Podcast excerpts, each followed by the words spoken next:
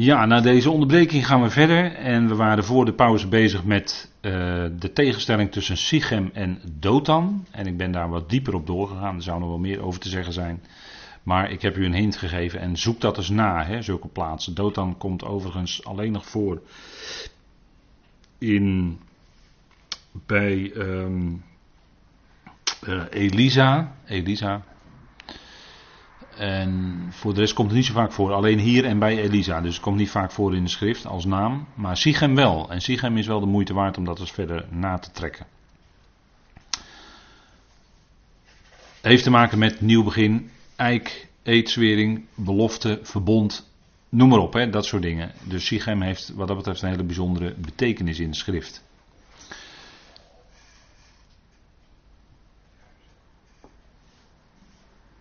Goed, gaan we verder. Jozef en zijn broers. En dan nog zo'n opvallende parallel. U weet wat er gebeurde in Dothan. Want de broers die zeiden: Ha, daar is de erfgenaam bij wijze van spreken. Of daar is de zoon. Laten we die te pakken nemen. ik praat nu weer een beetje dubbel. Maar laten we die te pakken nemen. Dan zal de erfenis aan ons toekomen. dat waren die, uh, ja, hoe noem je ze? De broers van de Heer en de broers van de Heer, de broers van Jozef en de broers van de Heer later, die zeiden: Dit is de zoon, dit is de erfgenaam, laat ons die te pakken nemen. En dat waren dus niet de goede bouwlieden, want zij hadden de steen verworpen. Lees het maar eens na in Matthäus 21, wat de Heer daarvan zegt. Dat is een parallel, hè? Laten we deze, die nu naar ons toegestuurd wordt, laten we deze te pakken nemen en laten we die doden. En dan komt Juda tussen beiden. Want Juda zegt, la, laten, we maar, laten we hem niet doden, maar laten we hem verkopen. Laten we hem verkopen. En ze verkochten hem aan de Midianieten. En dat waren ook uh, eigenlijk uh, ja, Ismaëlieten, Midianieten, dat ligt wel redelijk dicht bij elkaar. En die, zij verkochten Jozef dan voor twintig zilverstukken. Door tussenkomst van Juda. En Judas verkocht onze Heer voor 30 zilverstukken. Toch weer een parallel, hè? En Judas, die kreeg daar spijt van, als haar op zijn hoofd.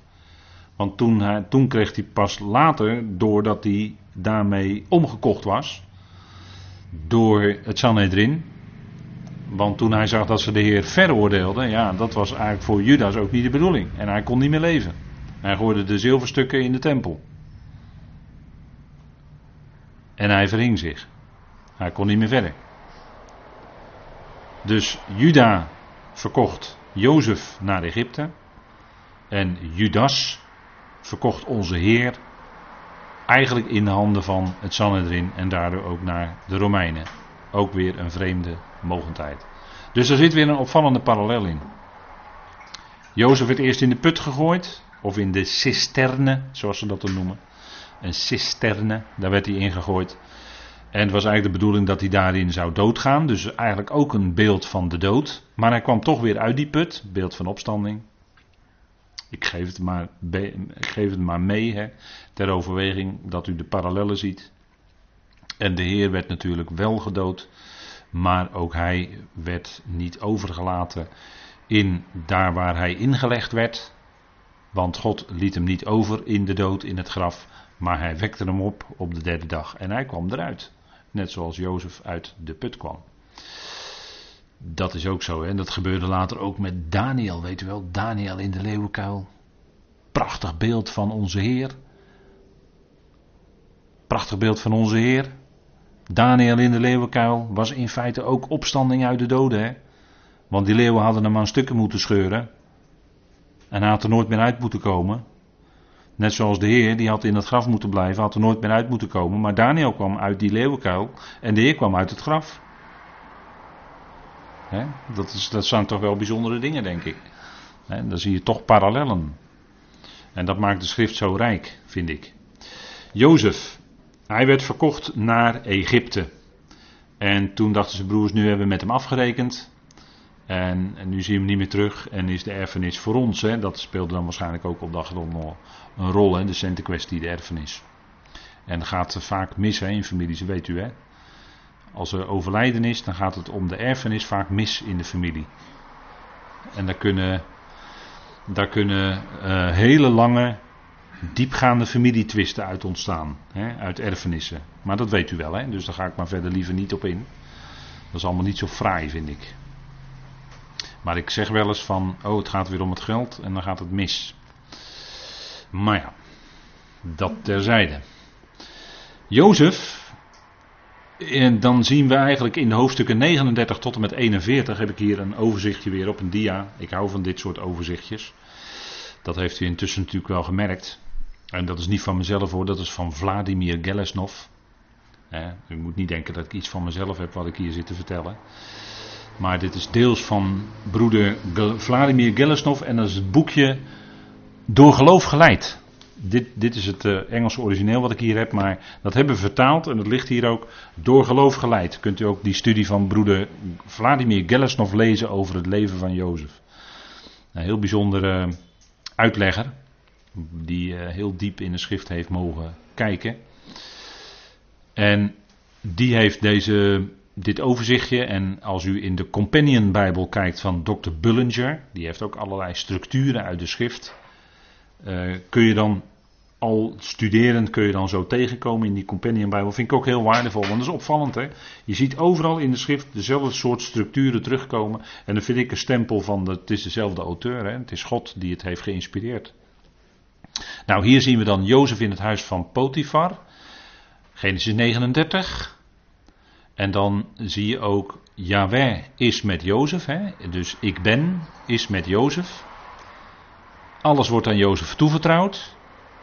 En dan in het eerste deel Jozef en de vrouw van Potifar. Het tweede deel, Jozef in de gevangenis, Yahweh is met Jozef. Dat keert dus terug, dat item. Dat, dat is het onderthema. En dan alles aan Jozef toevertrouwd, opnieuw, hè, ook in de gevangenis. En dan Jozef en de hofmeesters. Dus hij ontmoet weer bijzondere mensen. Dan ten derde, Jozef voor de farao. Jaweh is met Jozef, alles aan Jozef toevertrouwd, daar heb je het weer. En Jozef en de farao. Nou, dat kun je natuurlijk ook van de Heer zeggen. God was met hem en alles werd aan de Heer toevertrouwd. De Heer kon ook aan het eind zeggen in Matthäus 28: Mij is gegeven alle macht in hemelen en op aarde. Dat was door God aan hem toevertrouwd. En je kunt in zekere zin zeggen: alles is aan de Heer toevertrouwd door God. En zo werd ook in het leven van Jozef drie keer alles aan hem toevertrouwd. Overal waar hij kwam, hij had zo'n optreden dat men alles aan hem toevertrouwde. En daarin is hij een geweldig type van de Heer. Die niets anders deed dan wat hij de Vader zag doen. In afhankelijkheid van de Vader. Leefde door geloof. En dat deed Jozef ook. Jozef leefde door geloof. Hij had ongetwijfeld van zijn vader en van opa Isaac had hij ongetwijfeld te horen gekregen wie Yahweh is, wie God is. En de beloften die aan die familie gegeven zijn. De zegen die zij droegen. En de belofte die zou doorgaan van geslacht op geslacht. En dat was al eigenlijk ten diepste aan Adam beloofd, maar later dus via Abraham, Isaac, Jacob. Had Jozef daar ook van gehoord. Hij had het gehoord en dat het geloof gewekt in zijn hart. God had in zijn hart gewerkt. En zo kon Jozef ook leven door geloof. Hij kon leven door geloof. En dat bleek ook uit zijn houding ten opzichte van zijn broers. Het was niet leuk wat hij moest ondergaan. Maar je leest eigenlijk niet dat Jozef met zijn mond of wat dan ook protesteerde. En dan kunt u zeggen, ja, misschien kreeg hij ook helemaal de kans niet om te protesteren. Misschien was het dat wel, ja. Maar in ieder geval lezen we het niet. Dus hij onderging dat op een of andere manier. Misschien wel in ootmoedigheid vanuit geloof. Dat God ook door die moeilijke weg wat zijn broers hem aandeden. Dat God daar toch een plan mee had. Wellicht heeft dat in Jozefs hart geleefd. Ik vermoed van wel. En dat is het geloof van Jozef. En dan zien, we, dan zien we dat hij op de weg van het geloof is. En dat die weg ook daadwerkelijk is wat hem rust en vrede bracht. En dan komt Jozef in Potifars huis. Hè. Hij komt eerst, uh, wordt als slaaf verkocht. Maar komt in het huis van Potifar. En daarin lazen we ook, en dan even de vorige dia. Alles werd aan Jozef toevertrouwd. En als we even kijken, Jozef in het huis van Potifar, Genesis 39, dan lezen we dat ook. Genesis 39. Die kocht hem, en dat was natuurlijk uh, onder leiding van God, hè? Dat, dat moest zo gaan. Zij, hij kocht hem uit de hand, staat in Genesis 39, vers 1, uit de hand van de Ismaëlieten, die hem daarin gebracht hadden. En de Heer, staat er dan zo mooi hè, in 39, vers 2, de Heer was met Jozef, zodat hij een voorspoedig man was en hij bleef in het huis van zijn Heer, de Egyptenaar.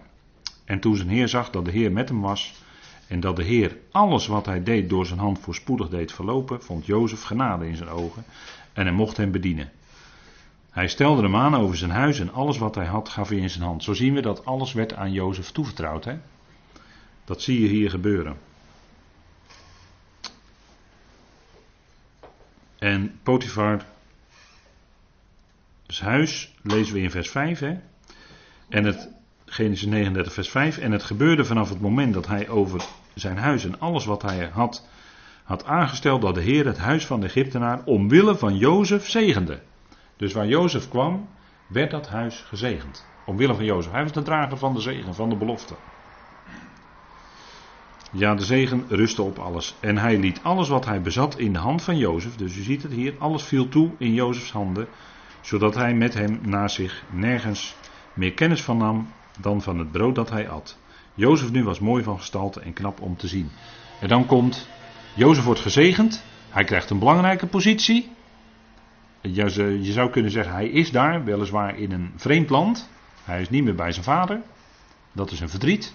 Maar hij is in een vreemd land en het gaat heel goed met hem. En dan komt de tegenstander, de tegenwerker, die wil misleiden. En dat zien we dus in de verleiding. Want daar kwam een van de grote verleidingen in het leven van Jozef. Misschien wel de allergrootste. De vrouw van Potifar, die had het op Jozef voorzien. Gaat Genesis 39 over. En dat was de verleiding, hè, de misleiding die, uh, die heel erg op de loer lag. Was natuurlijk een hele enorme verleiding voor de nog jonge Jozef. Er staat in vers, uh, vers 6, Jozef nu was mooi van gestalte knap om te zien. En het gebeurde, vers 7, na deze dingen, dat de vrouw van zijn heer haar oog op Jozef liet vallen. En zei: Slaap met mij. Staat in mijn vertaling, maar eigenlijk zei ze: Lig met mij. En dat is wel duidelijk genoeg, hè? Wat dan de bedoeling is. Dus de verleiding. En daarin zien we daarachter de tegenstander. Die wilde Jozef weghalen van de, van de weg van het geloof. En Jozef die ontrok zich daaraan. En dat is de uiting van hoe dat geloof dan in Jozefs hart en leven werkte hoe dat in zijn hart werkte. En dus in zijn levenswandel naar voren kwam. En dan zeggen we er ook bij hoe de geest van God in zijn leven werkte. Zodat hij weerhoud, ervan weerhouden werd, zo kan je het ook zeggen. Om op die verleiding in te gaan. En hoe groot was die verleiding? Die, uh, Potifar was weg, die was naar het buitenland. En die vrouw die had het op Jozef voorzien. En toch ging Jozef niet in op die enorme verleiding waar die zomer. En het was niet alleen dat, maar het was ook. Daar zat nog iets dubbels bij, want Potifar was natuurlijk een hele belangrijke figuur. En Jozef, aan Jozef was beloofd dat hij een heerschappijpositie zou krijgen. Denk maar aan die aren, of eh, aan die schoven die voor hem bogen. Denk maar aan de sterren die voor hem bogen. Dus Jozef wist uit zijn dromen dat hij een heersende positie zou krijgen. En dat zou hij op die manier, via die vrouw, heel makkelijk kunnen krijgen. Maar dat was de, laten we maar zeggen, de voor hem op dat moment ogenschijnlijk gemakkelijke weg. Dus niet alleen de verleiding door die vrouw, maar ook wat erachter zat, dus dat hij die heerschappij daardoor had kunnen krijgen.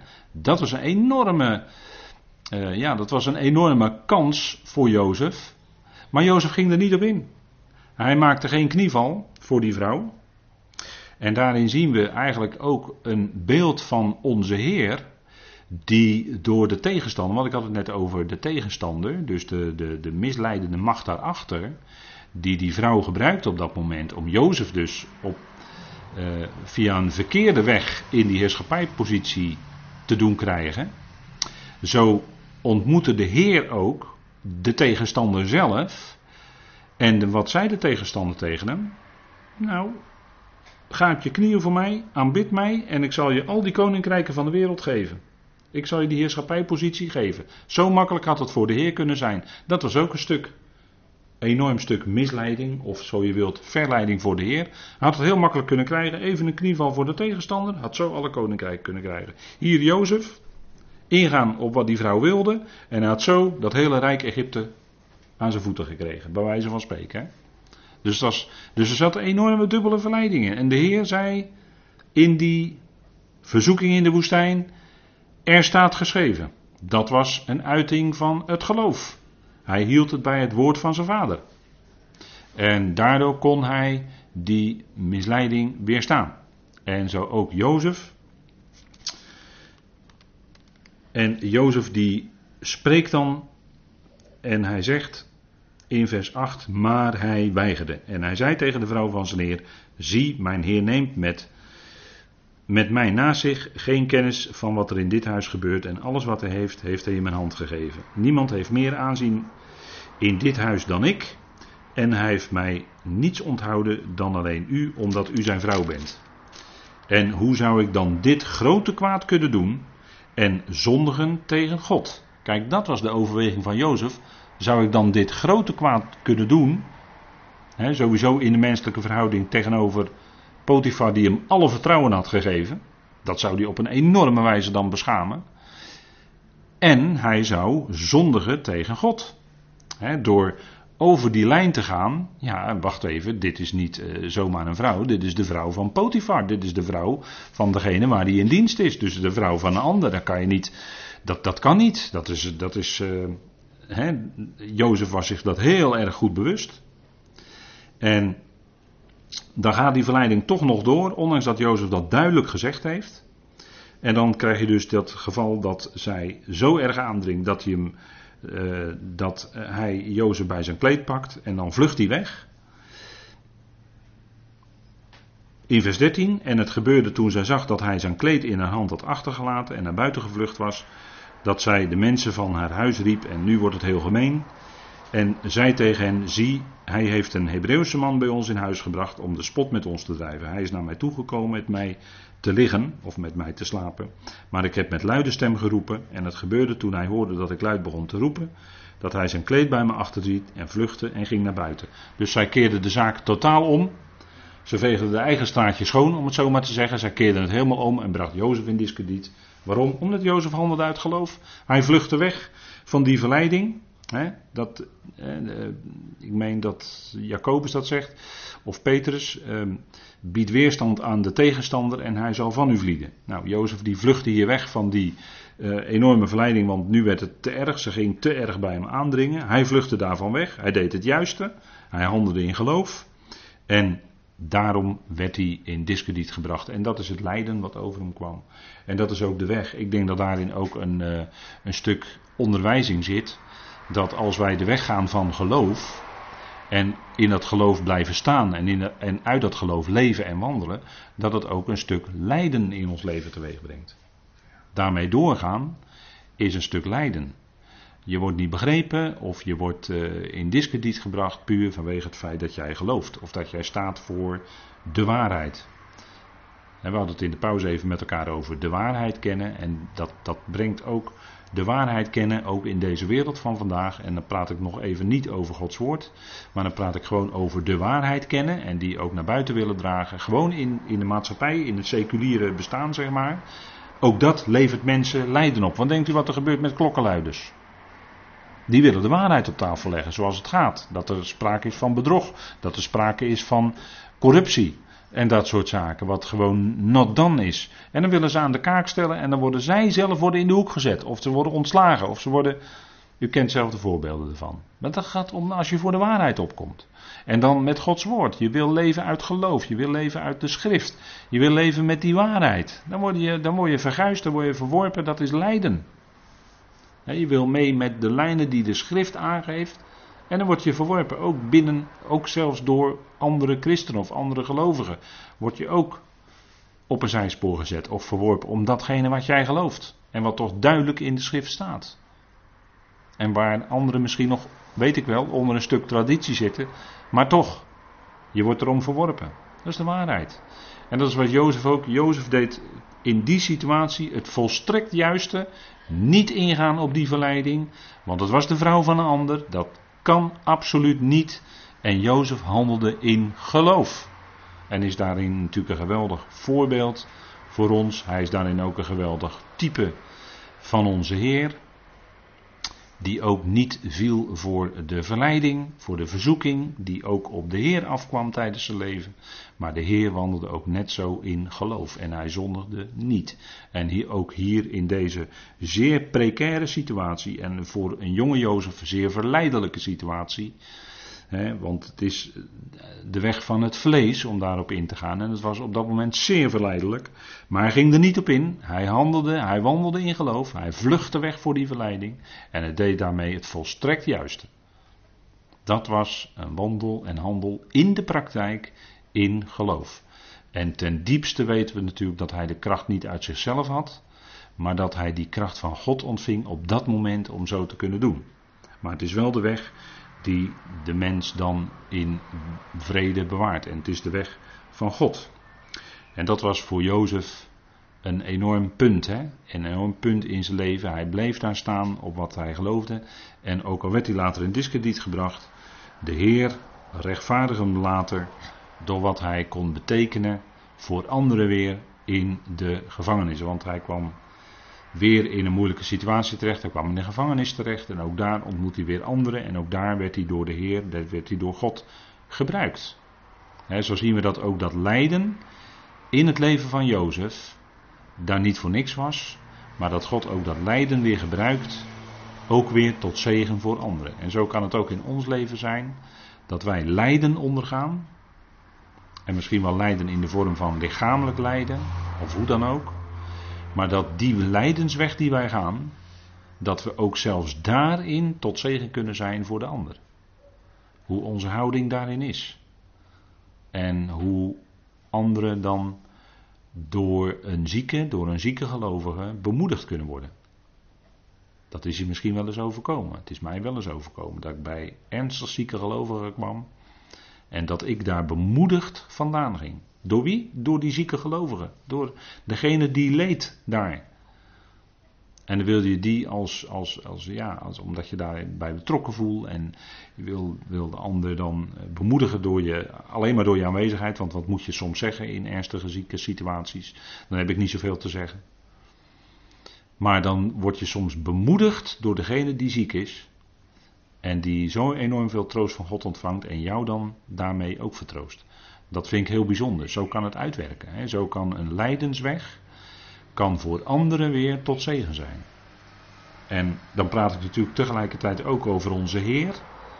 Onze Heer Jezus Christus. Onze geliefde Heer. Die zo voor ons geleden heeft.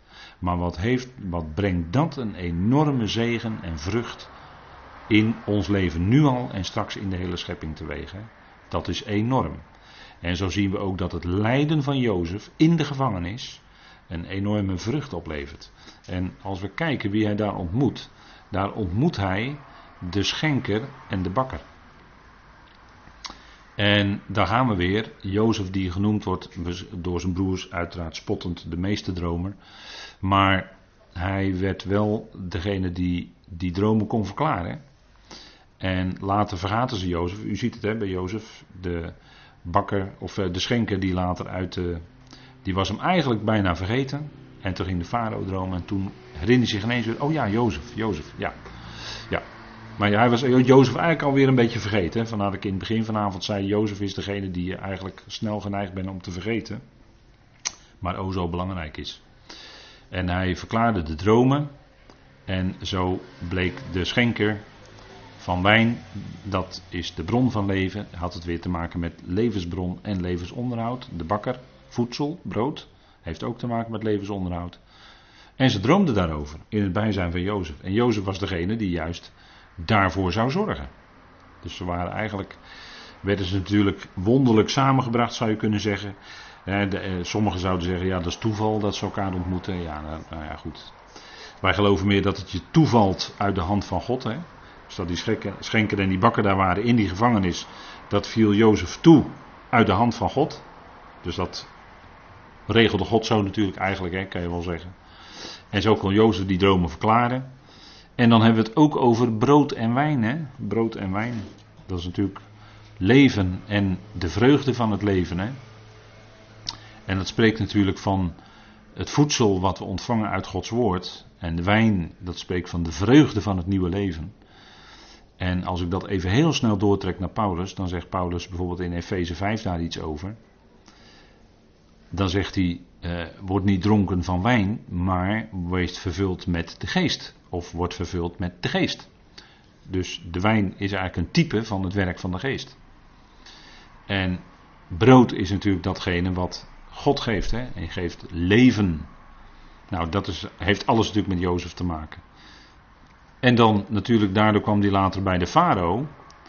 En weer een dubbele droom, want de schenker en de bakker, dat waren ook weer twee dromen, dat is ook dubbel. En de farao die droomde ook dubbel, hè? die droomde over uh, koeien en over aren, dat was dubbel. Maar zelfs die koeien waren dubbel, want er waren vette koeien en magere koeien. En er waren goede aren en er waren uh, verschroeide aren. Dus ook daarin zelfs weer dubbel. Hè?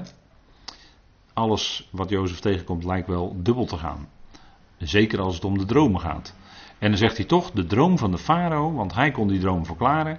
De droom van de farao, het is één. Dus het gaat in feite over hetzelfde. En zo kon Jozef die dromen verklaren. En kwam hij alsnog toch aan het hof. En zo zien we dan door die gevangenis heen. Dus door dat lijden heen. En in dat lijden was hij tot zegen weer voor anderen. In ieder geval voor de schenken. En ging het tot heerlijkheid. Hij kwam op de tweede plek in Egypte. En dan zien we dat het eigenlijk Gods werk is met Jozef. Zo werkte God het in het leven van Jozef uit. En bleek Jozef een enorme zegen te zijn voor in ieder geval de rest van zijn familie. Tot enorme vreugde van vader Jacob, die al lang dacht dat Jozef overleden was. En eigenlijk het liefst toen hij dat hoorde zelf ook had willen overlijden. Er stierf iets bij Jacob van binnen, denk ik dan. Er stierf iets af van binnen bij hem. Toen, toen hij hoorde dat Jozef overleden zou zijn, verscheurd door wilde beesten. Wat niet waar was. En zo zie je dat het gedrag van die broers. Dat niet alleen was het een kwaad dat zij Jozef verkochten naar Egypte. En was, maar moesten ze vervolgens ook hun vader bedriegen. Dus het ging door. Hè. Ze moesten nog meer eh, dingetjes doen. Om dat allemaal weer uh, proberen. In ieder geval een reden ervoor te geven. Dus zo zie je dat het ene kwaad. Of het ene bedrog. Hoe je het ook zeggen wil. Roept weer het andere op. Dus het gaat opstapelen. Hè. En nochtans kon Jozef dan in Egypte tot zegen zijn. Zowel voor zijn broers. Als voor zijn vader. En eigenlijk voor zijn hele familie en voor die hele toenmalige wereld. Nou, ik wil het hierbij laten voor vanavond. En dan gaan we de volgende keer verder met het leven van Jozef. Want er valt dan wel wat meer over te zeggen. ik denk dat dat niet voor niks is om daar dus twee keer met elkaar eens goed over te spreken. In ieder geval twee keer, misschien nog wel meer. Maar ik wilde graag deze avond afsluiten met een dankgebed. Vader, we danken u dat we vanavond stil konden staan bij het leven van deze bijzondere Jozef. Vader, en als we in de schrift daar wat meer naar kijken, dan zien we dat het ook degene is die zo snel door ons vergeten wordt. Maar vader geeft dat we het niet vergeten. En deze Jozef ook als een lichtend voorbeeld van geloof voor ons zetten. Vader, hoe hij ook concreet in moeilijke situaties, in situaties waarin de verleiding, in de situatie waarin de verleiding heel groot was, Vader, vluchtte hij weg en handelde in geloof. En hield het aan de weg die u bepaalde. En de principes die u in de schepping heeft gelegd. Vader, we danken u dat we zo naar deze dingen hebben kunnen kijken vanavond. We danken u dat we mogen leren uit de oude geschiedenissen. Die opgetekend, opgetekend staan in uw woord. Waarin we ook prachtige lijnen zien naar uw eigen zoon, Vader. U die uw eigen zoon niet spaarde, maar hem voor ons allen hebt overgegeven. Vader, het was een diep lijden. Net zoals ook Jozef leed ooit. Ging het bij de zoon nog veel dieper. En de zegen is ook nog oneindig veel groter. Maar dank u wel voor die prachtige schaduwbeelden die u in uw woord heeft neergelegd. Waardoor wij zien de rijkdom en de waarde van het geschrevene. Vader, het is de rijkste schat die we bezitten. Vader, we danken u dat u ons dat gegeven hebt en mogen we deze woorden dan ook bewaren in ons hart. Vader, zoals Jacob die woorden bewaarde. Zoals later ook anderen als voorbeeld voor ons die kostbare woorden van u bewaarden in het hart. Mogen wij dat ook doen, Vader, zo, op die manier. Opdat wij daardoor ook in concrete levenssituaties bewaard kunnen worden. Voor misleiding, voor verleiding. Vader, dank u wel dat u door uw geest in ons werkt. Dat u door uw geest in Jozef werkte. Vader, opdat we die geweldig bewarende kracht van u mogen ervaren in ons leven. Tot zegen. Vader, we danken u daarvoor. We danken u dat we zo deze avond hier weer bij stil konden staan. We danken u voor het huis wat hiervoor weer gastvrij was opengesteld. We danken u dat we zo in het afgelopen seizoen verschillende dingen met elkaar hebben kunnen zien. We danken u voor wat u daarin hebt willen geven. We danken u dat we mogen opzien naar u, Vader, ook voor de komende tijd. Wees ons genadig nabij. In alle wegen die we gaan, in al wat we doen. Vader, we danken u dat u ons leidt en dat we ons willen laten leiden door u en door uw woord. Vader, we danken u zo voor uw goedheid, trouw en liefde, dat we dat uitzicht hebben, dat uw liefde uiteindelijk ieder gaat omvatten en bereiken. Vader, we danken u daarvoor in die machtige naam van uw geliefde Zoon, onze Heer Christus Jezus. Amen.